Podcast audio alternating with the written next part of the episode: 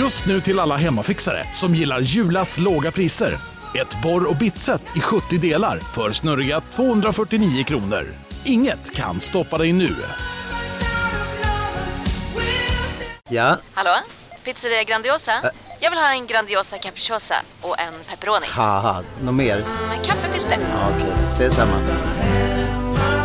Grandiosa, hela Sveriges hempizza.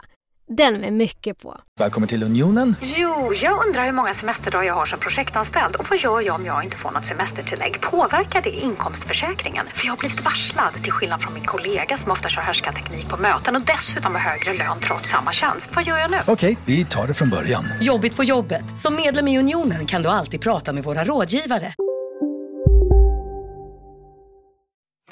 Hej och välkomna till vår podcast Kulturbarnen. med mig, Ida Tirén. Och med mig Pontus de Wolf. Vi är direkt från Visby på Gotland. Sån hype. Och jag kan se dig i verkligheten. Ja, inte genom en skärm. Det är fantastiskt. Vi sitter bland en massa gravar. Det är lite mobil stämning, men jag Mm. hoppas att de förlåter oss. Den här stora byggnaden är ju eh, Visby domkyrka, apropå vad vi pratade om i förra avsnittet. Just det. Är det här en katedral? Ja, det är det. Den är byggd som en katolsk byggnad. Wow, den är jättefin alltså.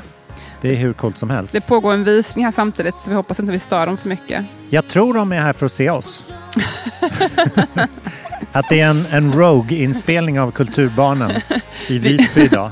Vi kommer kanske göra en livepodd i höst, kan jag ju passa på att säga. Ja, Så Om någon vill komma på den så kan man ju hålla koll på det. man kan börja köa nu. Ja, precis. Vi vet Eller- aldrig, aldrig hur många eller få man får gå på kulturevenemang. Nej, det är faktiskt sant. Men det känns fräscht att podda utomhus. Crispy. Det är säkert 28 grader varmt. Alltså. Ja. Och då är det ändå molnigt. Det är faktiskt en ljuvlig dag här i Visby. Jag hoppas att alla har en fin dag där Ja. lyssnar på det här. För att ta det från början. Jag har ju ett hus på Gotland där jag är på somrarna. Men du Ida, det har jag inte sett förut här. Mm. Nej, jag har aldrig varit på Gotland förut som vuxen i alla fall. Jag var här som barn och så. Men det var min killes familj, som har, eller hans pappas fru, som Ah. har ursprung här. Mm. Så vi har bott hos hennes familj. Eh, jättemysigt, jättefin trädgård full av blommor. Och jag har ätit färska bär till frukost från trädgården. Och Oh yeah. Väldigt idylliskt sådär. Gud vad fantastiskt. Och så nu åkt, eh, vi har varit i Visby en del. Det var ju faktiskt Stockholmsveckan i Visby. Ja, det är helt sjukt att ni åker vi. hit just den veckan. Det visste inte vi när hans pappa bjöd in oss. Bara, Kom och hälsa på oss. Vi bara, ah, okej. Och så var det Stockholmsveckan. Vet Ja. du vad Stockholmsveckan är? Ehm, jag såg att Rebecca och Fiona spelar i Hamnen. Oj, det missade jag. Ja. Det gått på.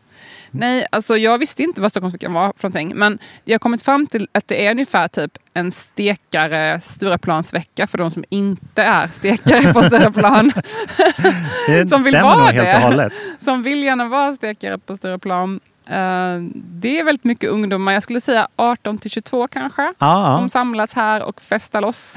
Eh, det var en artikel i SVT Nyheter så jag precis. Det var ett par här i Visby som inte hade fått sova en ordentlig natt sedan ju, första juli. Och nu är det 26 juli. Oh shit. Så de var rätt lacka. Vilken så här vampyrtillvaro. Ja, det där är lite så tortyrstämning att få växa fyra på natten av en skrikande full DJ i Ja, någon högtalare. mm. Men visst, man kan ju alltid hävda samma som i Stockholm. att Okej, bo inte i innerstan om du inte vill bo i stan. Mm. Men det kanske inte var därför de flyttade hit för 40 år sedan till Nej, Visby.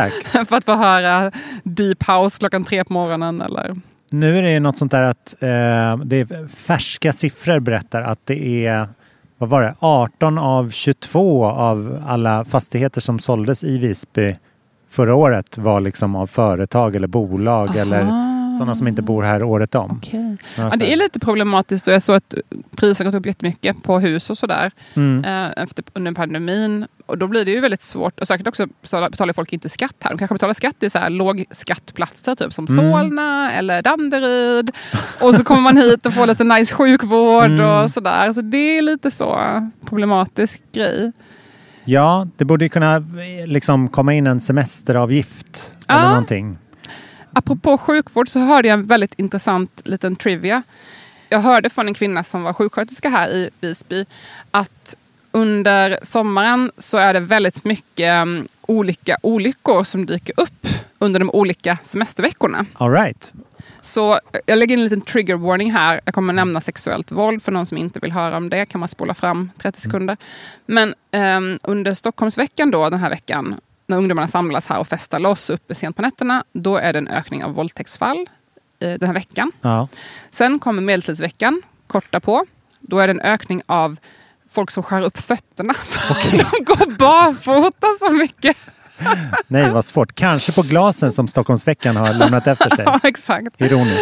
Antagligen. Och sen den tredje temaveckan här i Visby är ju Almedalsveckan. Ja. När politiker och lobbyister samlas här för att komma till ja, nya beslut eller vad det nu är de håller på med. Mm. Och då är det en ökning, dramatisk ökning av drogrelaterade överdos. Typ Aha. kokain och sånt. Det är journalisterna. Oj, förlåt. Så jag tror att det är lobbyisterna. Men ja, eh, så att, eh, det var en intressant liten fakta tyckte jag. Ja. Och sen be- berättade jag det här för en man jag träffade häromdagen som är läkare här på Visby. Och Mm. han bekräftade exakt det här. Han sa att exakt så är det. Ja, Mm. ja nej, men det, man kan, det är lite som i början av corona när det var populärt att mäta ehm, halten av virus i, eh, i reningsverk. Ah, Sånt, sånt tycker svensken är ett väldigt kul mätverktyg. Det är någonting med karaktären av en vecka eller en happening Mm. eller sådär.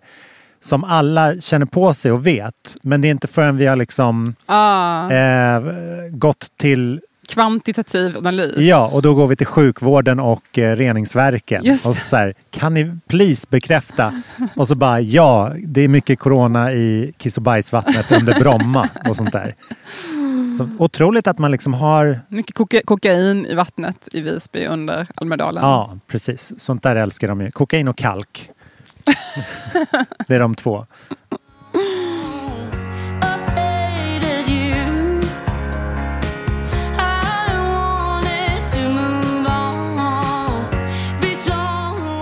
Ja men vad spännande. Vad är ditt intryck so far då? Har du haft Nej, det bra? alltså jag har haft det jättebra. Det var ju lite hysteriskt här med mycket ungdomar på stan. Mm. Eh, men jag måste säga att jag är väldigt positivt väldigt positiv upplevelse. Det, jag, det, det är ju väldigt idylliskt när man åker runt på Gotland. Vi hade några kompisar som körde runt, vare sig jag eller min kille har körkort, men Mm. vi blev runtkörda av en kompis till oss och hans tjej och då fick vi se alla de här jättemycket gulliga platser. Bland annat var vi på Körsbärsgården Just det. som är lite som eh, Gotlands Louisiana. Ja. Med konstutställning och eh, skulpturpark och sådär. Mm. Lite mindre skala kanske än Louisiana. Nåja, men det, Nåja. ja. Ja. Vi pratade om Louisiana förra veckan också. Ja. Så det blir snart att vi åker dit. vill verkligen dit. Ja. Men det var väldigt kul. och Det var en jättefin utställning där med Siri Karlén som är en, en konstnär i min ålder. Som har gjort eh, dels jättefina skulpturer, lite såhär Nicky, Nicky Nicky Niki de. Sanfal. Ja, precis. Ja. Som för de som inte är bekanta med henne, man har sett hennes verk utanför Moderna till exempel. De Ja. här skulpturerna och så. Stora bulliga färgglada. Ja, exakt. Så hon har gjort några verk som är lite samma stil, som heter Gänget. Det är fyra skulpturer. Um, jättefina, som är väldigt så här, barnvänliga. Man får klättra på dem om man vill och så. Ja. Det finns också en liten så här, lekplats, eller sandlåda bredvid. Så det är väldigt så här, barnvänlig plats. Eh, och de är precis nya för i år. Och hon hade också ställ, utställning med lite um, vax, eller så här, oljekritteckningar på insidan. Mm. Inuti. Jag tror det var oljekrita. Eh, jättefina var de verkligen. Så Mm. det var en jättefin upplevelse där. Och sen finns det också, man kan titta mer på fler skulpturer. Och det var ett verk av eh, Kajsa von Seipel som jag Ah. också är bekant med. Så det var, lite, det var faktiskt väldigt, väldigt värt ett besök. Och det Ah. finns också fin lun- lunch där för den som är sugen. Men det är bra för att Sudret är en sån här äh, ställe Alltså dit- längst ner i söder på Gotland Ja, för oss som det. inte vet vad det här är. Men att folk vill så här äh, åka dit känner man och så ska man se sevärdheter och så vet man inte riktigt vad man ska göra när man Mm. kommer dit. Men Körsbärsgården är ett väldigt bra, liksom, seriöst galleri som fångar, Mm. plockar upp Ja. vilsna själar längs vägen där. Och så finns det den här gubben som har en näsa. Alltså Ja, den här det. det var kul för att vi åkte och tittade på den där, vad heter den där gubben? Gubben heter Hoburgsgubben. Just det, så vi var och såg Hoburgsgubben. Just det. Han som Och- är gjord av sten. Exakt, Ja. en stengubbe. Och jag vet inte om det alltid varit så, men någon har ju målat hans näsa rosa. Jag vet! Det var väl ganska fult faktiskt. Det är en officiell grej. Det är inte Aha. ett prank. Nej, Ja. okej. Ja. Oj, okej jag beklagar. Eh, man tänker att det, det där ser ju vandaliserat ja, ut. det gjorde det verkligen. Så Ja. grovt vandaliserat ut. Men nej, han, ska vara, han var tydligen förkyld. Oh, Men, mm. corona kanske. Ja. Ja, men där, där var vi och jag gick runt och var så irriterad. Jag bara, varför är det inga raukar här på Gotland? Eh, och då sa mina vänner att det här är en rauk. Ja, ja. Eh, Mm. Jag hade förväntat mig att raukarna skulle vara lite mer som man ser de här på Fårö. De här bilderna man ser på Fårö med såna här lite spetsiga... Ja, lite mer som små torn. Ja, precis. Ja. Jag har inte förväntat mig de här berglika. Men det är väldigt fint med de här lagren av berg Mm. eller sten som läggs på varandra. Verkligen. Ja, men där nere ser det ut mer som en skrutt, skruttig Dover-klippa. Ja, Typ. någonting sånt där. Ja. Men överhuvudtaget så är det väldigt kul att vara här. För att det är ju verkligen som att vara utomlands Mm. på Gotland. Det känns ju som att man är typ i någon slags tysk Hansastad Just det. slash fransk, eh, jag vet inte. Vad säger du? Ja, men de, de gör ju väldigt stor grej av det där. Nu, om bara några veckor kommer faktiskt eh, Destination Gotland börja åka till Tyskland. Va? Ja, så att man, det går ju redan kryssningar och sånt där. Man kan ju åka härifrån, eller den, den lägger an här, sån här medelhavs... Alltså man kan svischa förbi här när man kommer från Grekland och sånt. Men det är inte som en, en eh, färdlinje. Men i höst så kommer man kunna åka liksom Nynäshamn, Visby, Travemünde eller vad det är. Okej. Är Lite kanske coolt. miljövänliga resmål, resväg. Jag vet inte hur miljövänligt det är att åka färjan egentligen. Ja, nej men alltså det, det är problematiskt om det är få som åker. Men de Ah. håller väl på att utveckla nya färger hela tiden Just det. och sånt. Men i huvudtaget tycker jag det är väldigt kul att åka runt på de här små ateljéstilen. Alltså man blir väldigt pepp. Jag blir väldigt peppad. Jag har alltid Mm. haft som dröm att jag ska en dag ha ett hus på landet. Kanske inte permanent så, men Nej. en plats där jag kan skriva och kanske måla lite. För jag tycker ju mycket om att måla, men jag vet att det inte är min konstform som jag är bäst på. Visst. Men jag har alltid tänkt att när jag blir lite äldre och kanske då kan jag hålla på och måla mer som en hobbyverksamhet. Mm. Ehm, och utveckla det mest för min egen skull, för det är kul. Ja. Ehm, det har alltid varit en dröm för mig att ha lite sådär hus på landet med lite så ateljéaktigt. Folk kan komma dit och sådär. Då har man Och ju här, äntligen plats. Ja, det är ju det. Ja. Och här är det ju mycket den stilen. Ja. Så det är väldigt inspirerande. Lite samma som på Österlen också, att de har det här. Åka Mm. runt i olika skulpturer. Här är någon keramiker och här är någon Ja. lammskinskonstnär. så det är ju väldigt så här, medel, medelklass-idyll på något sätt. Men det, det, för, det drar ju hit sådana drömmar och även på landet att man kan ju så hitta en liten, liten stuga som har en stor, stor, stor lada. Mm. Ehm, och då är det oftast att man så här, åh shit, vad synd att jag inte har djur ungefär. Men då, då kan man ju börja säga, men det kanske är nu som jag börjar måla och ha en så här, ett galleri Har du känt suget? av att måla. Ja, eller har någonting i ladan? Kreativ Ja, lada? Mhm. absolut. Jag målade jättemycket när jag var yngre. Mm. Men det var, dels var min pappa eh, kolorist, Just liksom tav, tavelmålare eller vad man ska säga. Och ehm, det är ju lite jobbigt att ta upp den fighten. Jaha, ribban är hög. Ja, han var dels väldigt duktig men också den här extrema produktiviteten. Han var typ maniskt, just när han målade så var han ganska Mhm. liksom fokuserad om vi använder Mm. ett snällt ord. Så han eh, lämnade efter sig säkert så här 10-20 000 verk. Oh, och, och ingen vet riktigt. Och det är inte så här att han var duktigare på att hålla lågan uppe eller något. Men då är det, då är det liksom svårt att så här, måla ett streck och sen bara okej nu då. Eller vad, är, Mm. vad är syftet med det här? Det finns ju redan så många. Vi pratade lite om det här, tror jag kanske första avsnittet, eller piloten om podden. Ja, Att just att jag kommer från en familj, som, eller en bakgrund överhuvudtaget, där det inte finns så mycket liksom, kulturarbetare överhuvudtaget, vare sig i min familj eller i min omgivning. Och det gör att ribban är väldigt låg. Så här, Ja. Åh, du målade en tavla, vad häftigt. Det finns ingen, liksom ingen så konkurrens. ja Och jag har tänkt på det, att, ja, men så här, första gången jag skrev i en stor ti- dagstidning så hade jag redan så här, åh du är den första från Värnamo som skriver för Mm. Svenska Dagbladet. Eller så, Mm. Det känns som att jag redan, jag behöver inte bevisa så mycket på det sättet. Nej. Det skapar ju också en viss frihet. Ehm, Även om det också försvårar då, för man är inte ett kulturbarn. Så man Mm. har inte de här ingångarna på samma sätt och förkunskaperna. Nej. Men jag tänkte på det ofta med, vad heter, det kanske vi pratade i den podden också, men är det Alex Schulman som har en pappa som är typ Nobelpristagare eller något sånt här? Eh, nej, det Eller drar det lite långt. Morfar. Morfar? Eh, Sven Stolpe. Ah, ah, just det. Mm. Och det där tänker jag alltid tänker jag på, så att det, det är väldigt speciellt att ha en sån person i släkten som är så himla ansedd. Då blir det ja, det är väldigt svårt att, hävda sig på det sättet. Eller man måste ju inte hävda sig, men det är väldigt svårt att leva upp till det kanske. Gud ja. Man kommer alltid vara lite i skuggan av de där människorna. Men två steg är ganska lagom. Ja, i och för sig. Tre kan vara för långt. Men, Just det. men ett är garanterat livsfarligt i alla fall. Fadersmordstilen. Ja, Liksom. För att det finns ju även studier på om man, vi som har kulturbarn, eller Mm. vi som är kulturpersoner, vi dras ju till artiklar som så här, vad, vad, hur för man facklan vidare eller sådär. Mm. Alltså hur ska barnen tycka att det är kul Just att hålla på? Eh, och det bästa är ju att, att låta det vara såklart. Eh, och faktor nummer två, det är att säga just som dina föräldrar kanske sa, gud vad kul att du målar. Mm. Och inte säga, gud vad bra du målar. Eller så här, Men de var ju lite såhär, oj, jag pratade med gå på konstfack och sånt. De bara, va? Nej, då får man inga jobb i det. Nej. Alltså, det var in, Ah, in, ja, ja. alltså, Ja. jag, ska inte säga att de inte uppmuntrade mig, men Nej. de var ju lite så här skeptiska till den idén. Ja. Hade jag, jag hade ju sökt oavsett, men det fanns inte riktigt på kartan. Alltså. Nej.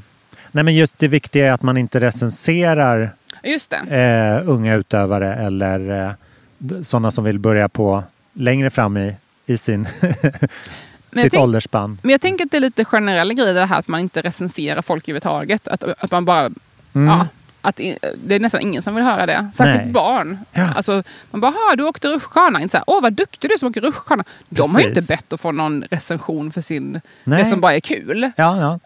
Så det, det, du säger tänker jag gäller ju verkligen för barn, men även för vuxna, som du säger också för vuxna. Alltså, Nej, för de tänker inte att det ska bli likt. Liksom. Eller för, dem, för deras ögon är det ju likt. Då ser det ut, då är en ko en ko. ah, just det. Ehm, så det är, det är bra att inte få dem att börja grunna för mycket Mm. på det. Um, och sen också att om man är liksom barn till en författare då är det ganska mycket att man, så här, man eh, ärver den personens ok på något Mm. vis. Ska inte du börja skriva snart? Eller ska inte, om man är filmregissörs barn, ska inte du... Alltså det, det kan ju sätta Mm. grova käppar i hjulet. Just genom jämförelser men också sådana som bara fastnar i att ta hand om förälderns verk. Liksom. Just det. Alltså min dotter anser ju redan att vi är kollegor. Hon bara, "Ja, jag skriver ju också böcker mamma. Ja, snyggt! Vi är i samma jobb. Jag bara, hon bara, jag får aldrig betalt för mina böcker. Jag bara, ja men knappt jag heller. Så att. Välkommen till branschen. Hon har fattat. Reality check. Ja. men jag vet som den här kända Tolkien-trilogin som jag håller på Ja, som inte nämnas Nej, namn exakt. eller? Hans eh, son Christopher Tolkien, han jobbade hela sitt liv med att bara ta hand om gamla manuskript Oj. från JRR. Ja, och så här släppa bonusmaterial och sortera och sådär. Oj. Och det, nu, han dog, han var över 90 liksom, häromåret. Så att det var ju en fullkomligt briljant karriär säkert. Men det var ju liksom, någon var tvungen att göra klar den Mm. tidigare generationen. Det finns ju även eh, Bachs barn Mhm. tog hand om hans, liksom skrev ner det på noter och sånt där och arkivera så att vi kan höra dem. Det är så fint det där. Alltså, vi har ju Mm. en besatthet vid det här genigrejen. Så här, och den kreativa personen är som någon slags upphöjd geni. Mm. Men allting är ju lika viktigt. Det är också viktigt den som, som sköter om arkivet till exempel. Ja, ja, verkligen. Det är ju precis lika viktigt, annars det funkar ju inte. Nej. Alla har ju vår, har vi vår plats. Ja, Men det är ju lite så här kapitalismen som har bestämt att den som är på toppen och syns, den är värd mest. Och Mm. alla andra är lite så här osynliga och ska inte vara värda lika mycket. just det.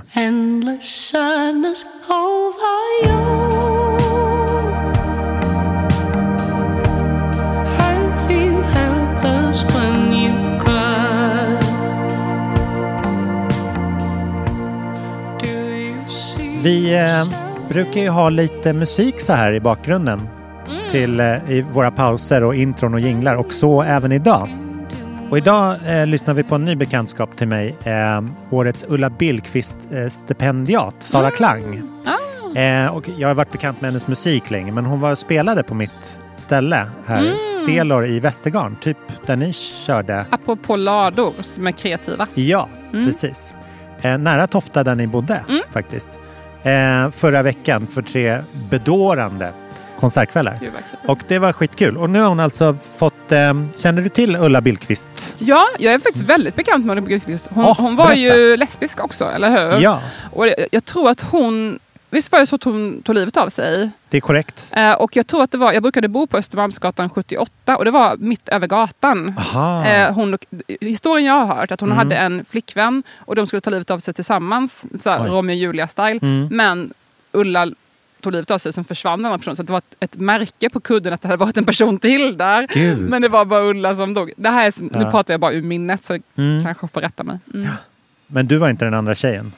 Nej, det här var lite före min tid. Ja. Det var väl 30-talet eller Ja. något sånt. 1946 var det, Ja, för att vara Ja, specifik. bra att du har koll. Mm. Men, eh, ja, nej, men jag läste mig till ett, ett hems, hemsk tragedi. Alltså. Ja. Det var, hon låg tydligen i skilsmässa efter sitt tredje äktenskap. Hon var ju jazzsångerska kanske man ska tillägga, Ja. tillägga då. Hennes största hit var Min soldat. Just det. Vid andra världskriget? Ja. Eller första världskriget? Ja, det är väl liksom... ehm, ja, men den var väl liksom helt enkelt folk som låg i flottan. Mm. Skulle lyssna romantisk dänga och Ja. tänka på sin soldat som är ute i kriget. Precis, en sån stenkakehit. Mm. Men det var, hon var verkligen på höjden av sin karriär förstod jag det Mm. som när hon gick bort. Mm. Eh, men det är väldigt fint hedersamt stipendium. Jag hade en liten Ulla Billqvist... ehm, jag får, jag, jag, oj, nu ringer klockan. Där hör vi. oj! Undrar vilket som låter högst. Är det domkyrkan eller glasåtervinningen efter Stockholmsveckan? Vilken härlig mesh. remix. It's the remix. Eh, nej men jag, hade, jag har väldigt mycket så här tendens att snöa in på grejer och verkligen så gå in, nörda in mig på saker. Mm. Och jag hade en Ulla Billqvist-fas där som pågick någon vecka. Shit. Så att jag är mycket bekant med Ulla Billqvist. Men det, var, det kom en dokumentär om henne också som jag inte har lyckats se nu. Aha. eh, Som skulle i alla fall göras. Jag vet inte om den har kommit ännu. Ja. Så det kan man tipsa om. Men eh, Sara Klang träffade jag faktiskt en gång i New York. På Ah. svenska konsulatet där. Wow. Eh, när jag bodde i New York så var hon där på någon slags eh, olika svenska artister som var där. Och det Mm. var lite så mingel eh, i svenska konsulatet och då träffade jag henne och vi pratade lite grann. Men det Ja. var ju några år sedan så jag har inte sett henne sedan dess. Så det ska bli kul att se henne live. kanske. Hon är så himla ikonisk. Hennes Instagram-persona är fantastisk. Mm, jag har inte koll på det, jag får kika lite. Hon har en estetik. Alla måste börja, börja följa henne nu och Okej. köpa hennes album. För hon släpper sina album själv. Jaha. Hon är liksom utan bolag. Oj, okej. Men hon är ganska stor också så det är ju verkligen coolt grej. Ja, precis. Det, det är verkligen liksom vad det visar. Hon är verkligen rå talang. Mm. Och att då ser hon ju lika professionell ut som någon som är signad. Mm. Eller så här, Mm. det, det spelar ju verkligen ingen roll.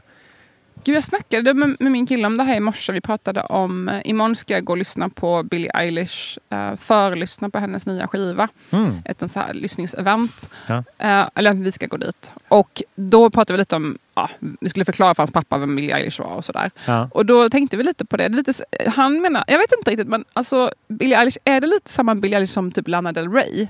För att hon är, alltså Billie Mm. Eilish är ju lite alternativ. Ja. Men hon är ju också väldigt, väldigt, hon är ju kanske- kanske världens största artist just nu. Jag vet i alla fall att hon är den som har störst interaktion på Instagram. Mm. Mycket större än Beyoncé till exempel. Enligt min marknadspsykologiskompis Yes, så är yes. hon den som har störst interaktion på Instagram. Vi har mätt vattnet i Bromma. Exakt, hon har mätt. Nej men det är, så här, Ja. det är tydligen en grej att hon är den som får mest interaktion. Hej, Synoptik här. Visste du att solens UV-strålar kan vara skadliga och åldra dina ögon i förtid?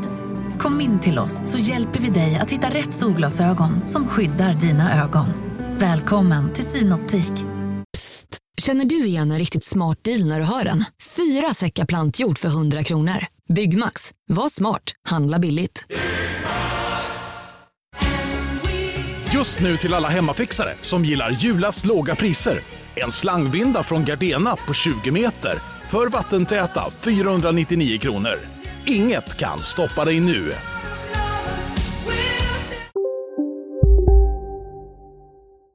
Och, ehm, men hon är ju väldigt alternativ. Hennes musik är ganska mörk egentligen. Ja, just det. Ja. Eh, Det är inte som man förvä- förväntar sig kanske på en sån kommersiell artist. Nej. Eh, Men samma sak med Lana Del Rey. Också så här, hon påminner mycket om mina... Jag tycker mycket om så lite alternativa kvinnliga sångare. Mm. Hon påminner ju om den stilen. Fast hon är ju fortfarande mer kommersiell på något sätt. Ja, men det, Eh, hon det har ju uppfunnit sam- sig själv ju känslan av båda två. Jo, exakt. Båda två har den här känslan utåt. Att det här Ja. är bara självständiga tjejer som har dykt upp från ingenstans. Ja. Men då är ju frågan så här. Skulle de kunna bli som de är utan ett stort skivbolag i ryggen? Hur mycket har skivbolaget egentligen varit med och format dem? Mm.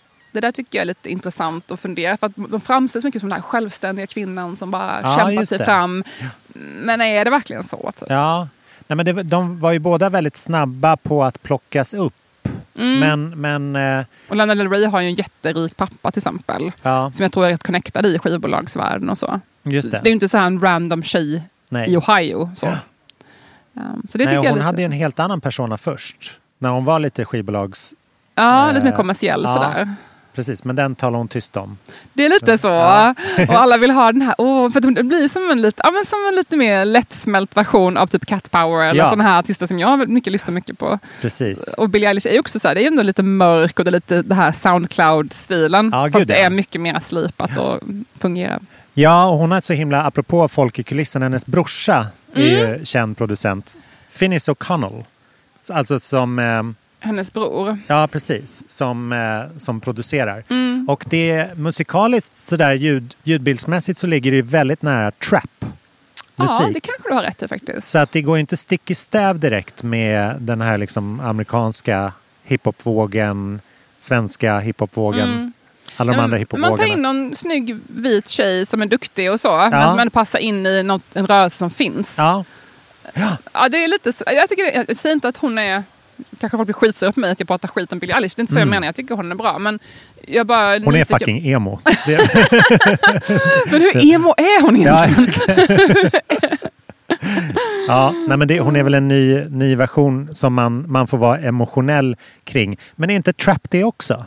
Är Är inte trap emo? Ja, nej men alltså en, en grej att samlas, en musikstil att samlas kring att vara emotionell kring. Hur skulle du definiera trap? Alltså, vad, har du för, vad har du mer för referenser där? Alltså med tunga beatsen, ganska monoton Mm. eh, rap. Kan du ge några exempel här för de lys- lyssnarna som inte riktigt vet? Typ min pappa. Nej, men i, I början så handlade det mest om Young Jeezy, Gucci Mane och T.I. som, som det. myntade eh, begreppet trap music. Jag gillar ju dem alltså. Ja, de släppte ju en platta som hette det helt enkelt. Och sen så blev det Ah, så här, så tongivande för Och sen alla som heter någonting med Lil och Drake och Young Thug och Kanye West har ju plockat upp det oerhört Mm. starkt också. Men jag bara menar att det, de är inte främmande för varandra i en playlist. Billie Mm. Eilish-soundet och eh, trap-soundet. Mm. Mm. De, de ligger omkring samma frekvensnivåer. Mm. Vi får testa det här lite närmare.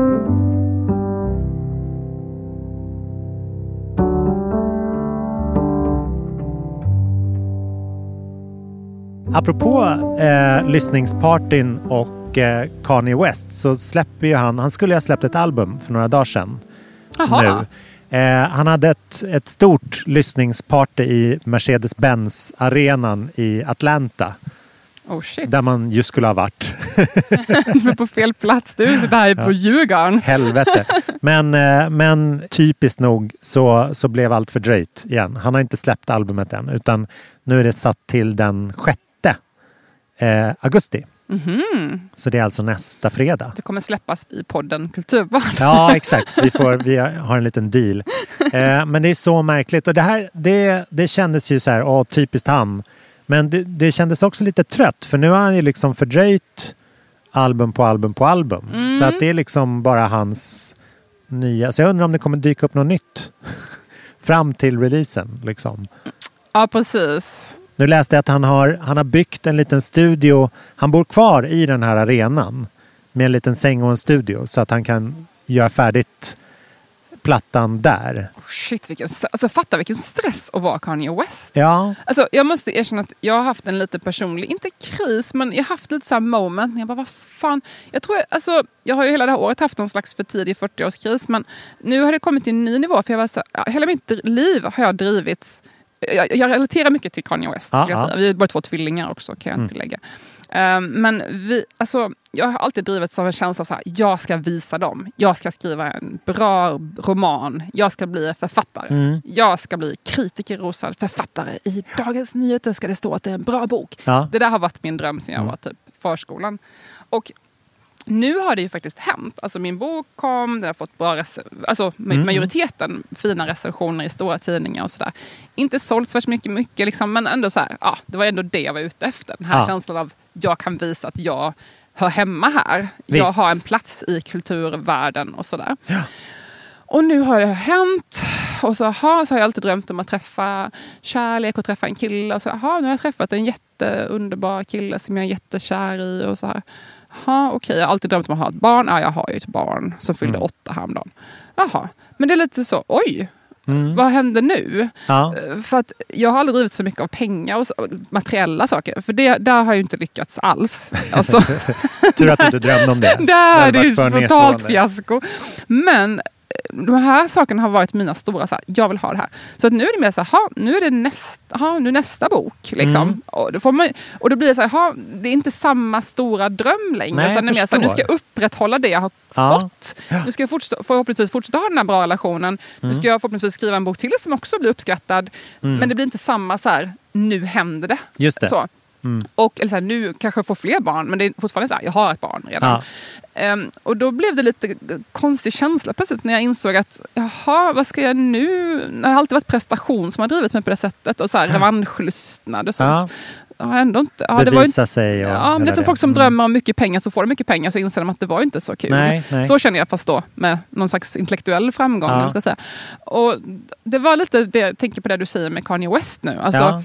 Jag undrar hur det känns att vara Kanye West. Man bara, ah, du är världens mest, typ en av världens mest hyllade artister. Mm, mm. Och du geniförklaras stup i kvarten.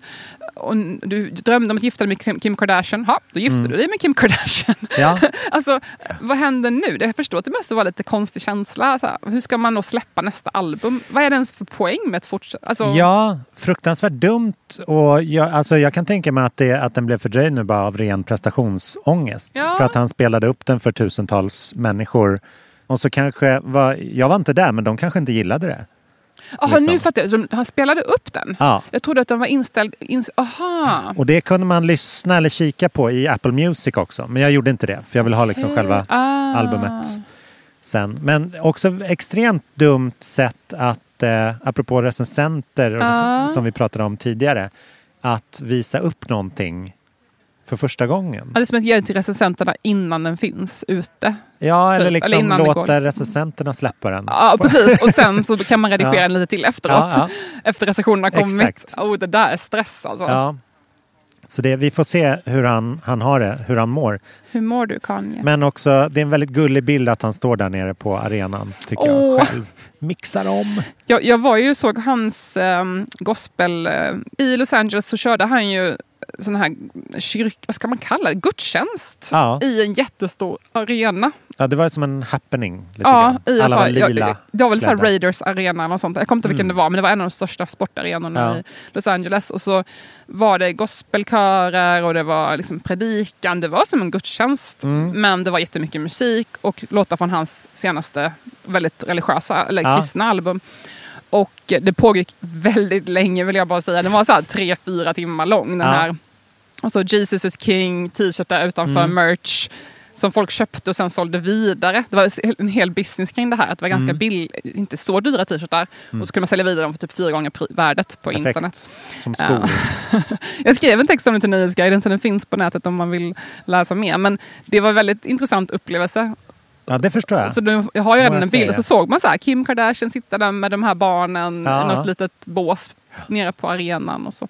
Mm. Det var nog, Det är inget nytt att det är slut mellan dem. Just det. Men, Mm. eh, men det, det gör någonting hemskt med mig att det är så här, åh, nu kanske han kan göra bra musik. Varför är man så dum i huvudet? Att liksom, för jag, jag är inte Men hennes mode har ju blivit mycket sämre kan jag säga. hennes moder. Alltså jag har sett bilder på hur hon klär sig. Aha, efter deras, mode. Jag Äh, mo, ja, precis, efter Ja. deras Mm. separation. Ja, Och det verkar inte, ser inte bra ut alltså. han var där. Apropå de Någonting som, är, måste han ha gjort, de som alltså. är bakom scenen. Ja. Svårt. Men det är, ja, vilka krav vi ställer ändå. Hoppas, hoppas skivan är bra och att den kommer ut. och att hoppas det alla blir går lyckliga. jättebra. lyckliga och friska. Psykiskt friska. Ja men absolut.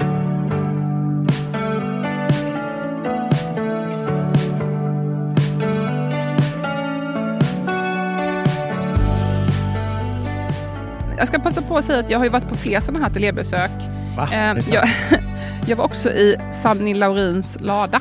Jaha. Och det här var någonting som ligger väldigt nära den bilden jag länge haft av min framtid. Alltså det är en Mm. man som han gör skulpturer.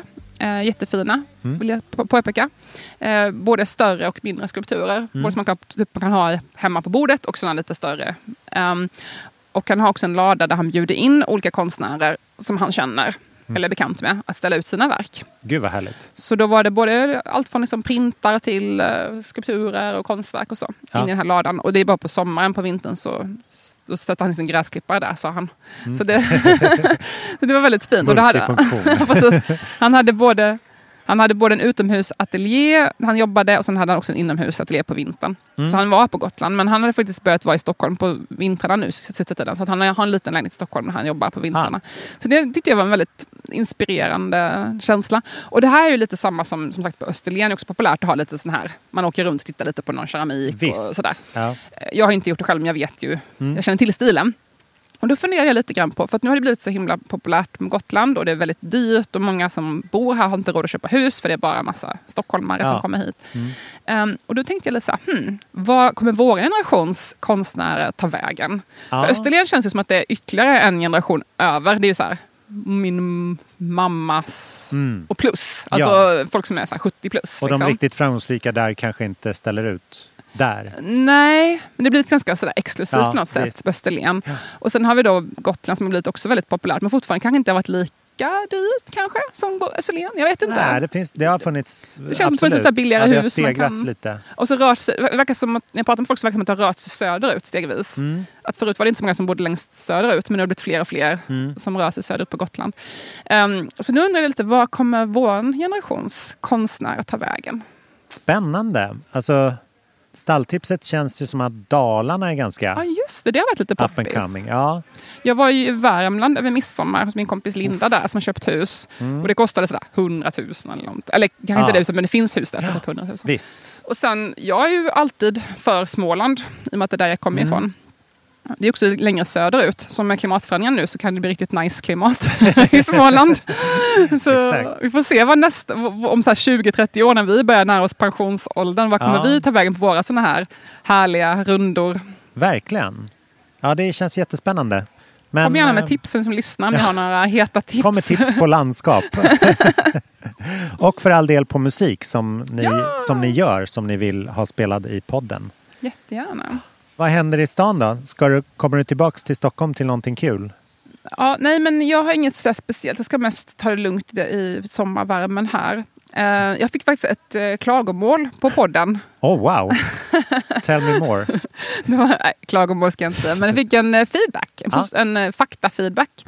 Det var min vän Sebastian Rosenberg som hade lyssnat och hade en liten fakta här om Keith Jarrett. Aha. För jag har ju pratat mycket om Keith Jarrett som är en jazzpianist kan man kan säga. Ja, verkligen. Ehm, och jag är väldigt förtjust i hans Köln-konsert och den har varit på repeat i bakgrunden när jag har skrivit hela min bok i Mm. princip.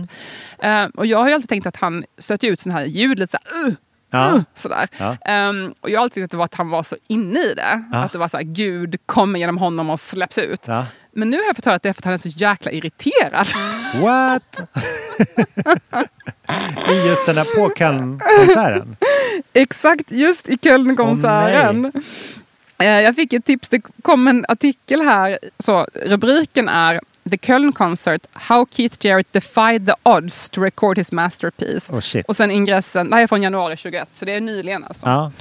Faced with the dilapidated piano and suffering from backaches and sleep withdrawal, Keith Jarrett recorded a legendary jazz album, Köln Concert. Alltså på svenska. eh, Att han hade ett piano som inte funkade som han ville och han Ah. hade jätteont i ryggen och inte får sova ordentligt. Aha. Eh, Så att han var väldigt frustrerad över den här eh, inspelningen. Ja. Ja, den har blivit en klassiker och Ja. sålts hittills fyra miljoner kopior. ja, du ser. Um, den, mest, den fortfarande det mest bäst säljande pianoalbumet någonsin. Shit. Då tänker jag att han kom, typ tävla med Mozart. Liksom. Jag vet inte.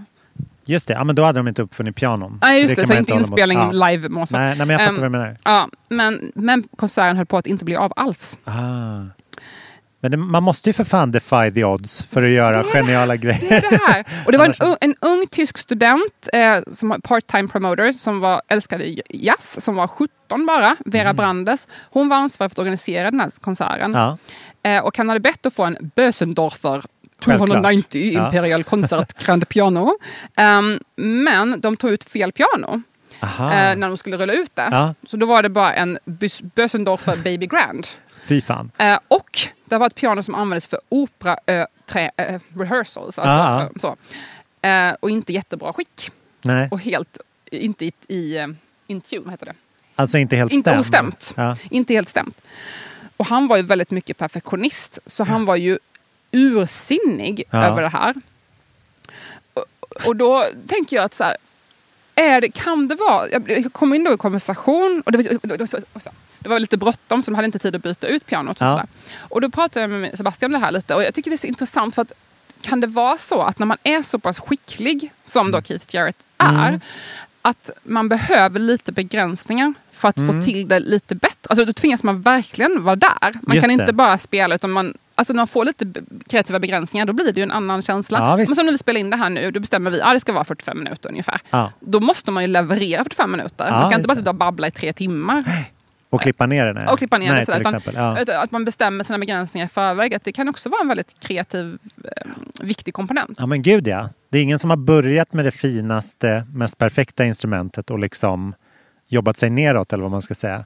Så det är nog rätt bra. Men jag måste lyssna på det där för att det för mina tankar, just det där stönet som du beskriver, Mm. om det är en trasig eller dåligt piano, då kan ju det vara, det låter som att det kan vara en pedal. Alltså för pedaler låter verkligen som sådär som när man Nej, det släpar ett skåp. Det är, det Ah, okej. är en stämning. Ja, jag fattar. Men annars, det, det är många sådana liksom... Han har ont i ryggen också. Han fick tydligen ha någon sån backbrace på sig för att han hade ont i ryggen också. Alltså det var riktigt... Ja, du har rätt. Ehm, det, var, han, det var malfunctioning sustain pedals. Åh jävlar! Så det Ja. var riktigt mycket problem alltså. Ja, men då är liksom, det, det kan vara... Det är många sådana där grejer som hörs på...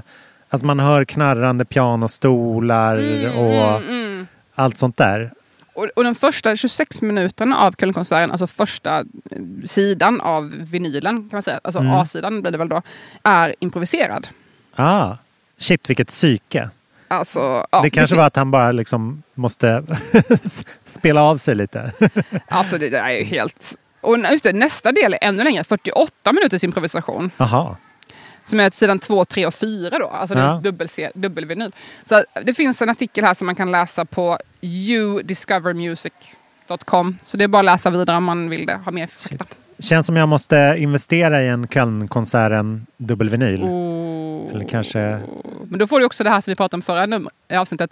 By the way, flera stycken har sagt till mig att det var det bästa avsnittet hittills. Ja, jag är så glad för jag älskade att spela in det. Det var väldigt nice. Ja. Alltså. Men då pratade du ju lite pratade vi om form- format och sådär. Mm. På olika spela in musik eller text Mm, och sådär. ja. Jag tänkte mycket på det du sa om att det här lilla krispiga ljudet, ljudet på vinyl, att det är eroderande plast. Just det, kna- knastret, ja. Vinylmaterial, knastret ja. Så lägg till det också på Kölnkonserten så har du ytterligare en Ja, eh, dimension. Det här med att man tycker att musik låter bäst på vinyl. Eh, det är ju att någonting läggs till. Det är inte att det är Mm. helt rent. Vilket är ganska spännande. Alltså det är lite som att man, man gillar eh, färgen på en tavla när, när den har fått stå och Flaga smutsa lite. ner sig lite. Ah. För att det, det, det finns ju många sådana där grejer som man säger är så här bidrar med värme eller Pat- patina. patina. Mm. Exakt.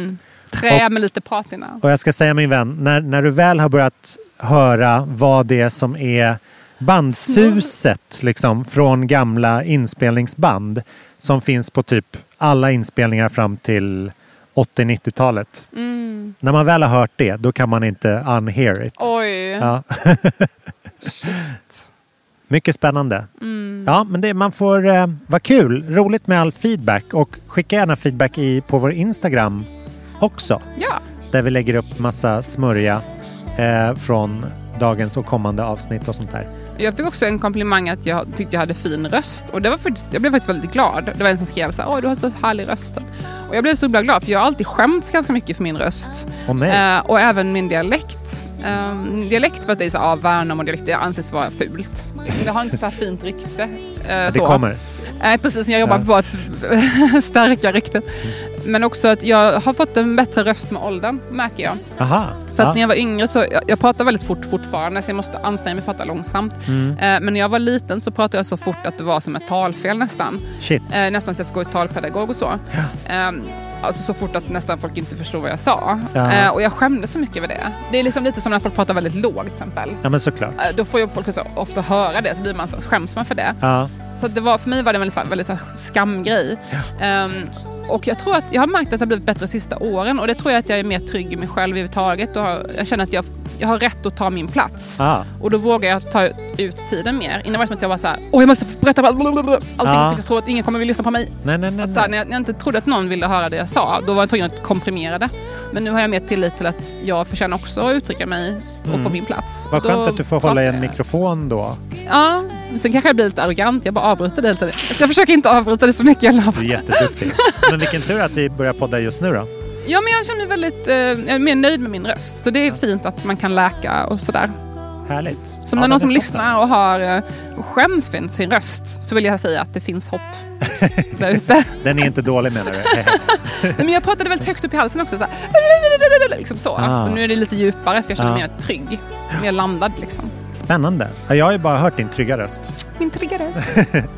Ja, men eh, ha en fantastisk resa tillbaka Ja. och eh, vad kul det var att träffas i verkligheten. Ja, detsamma Pontus. eh, så ses vi i stan om några veckor och poddar på. Fortsatt glad sommar. Ja, alla. dela podden, lyssna på den, ha det kul med den. Hej då! Hej då!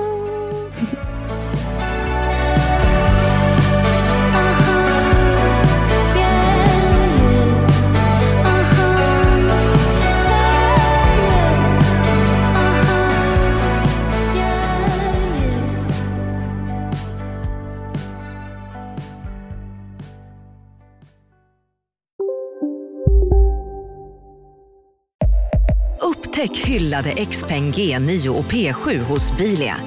Våra produktspecialister hjälper dig att hitta rätt modell för just dig. Boka din provkörning på bilia.se xpeng redan idag. Välkommen till Bilia, din specialist på XPeng. Nej. Dåliga vibrationer är att gå utan byxor till jobbet.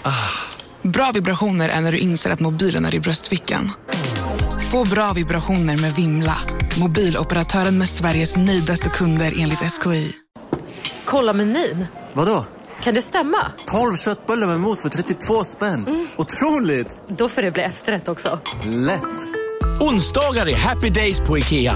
Fram till 31 maj äter du som är eller blir IKEA Family-medlem alla varmrätter till halva priset. Vi ses i restaurangen på IKEA.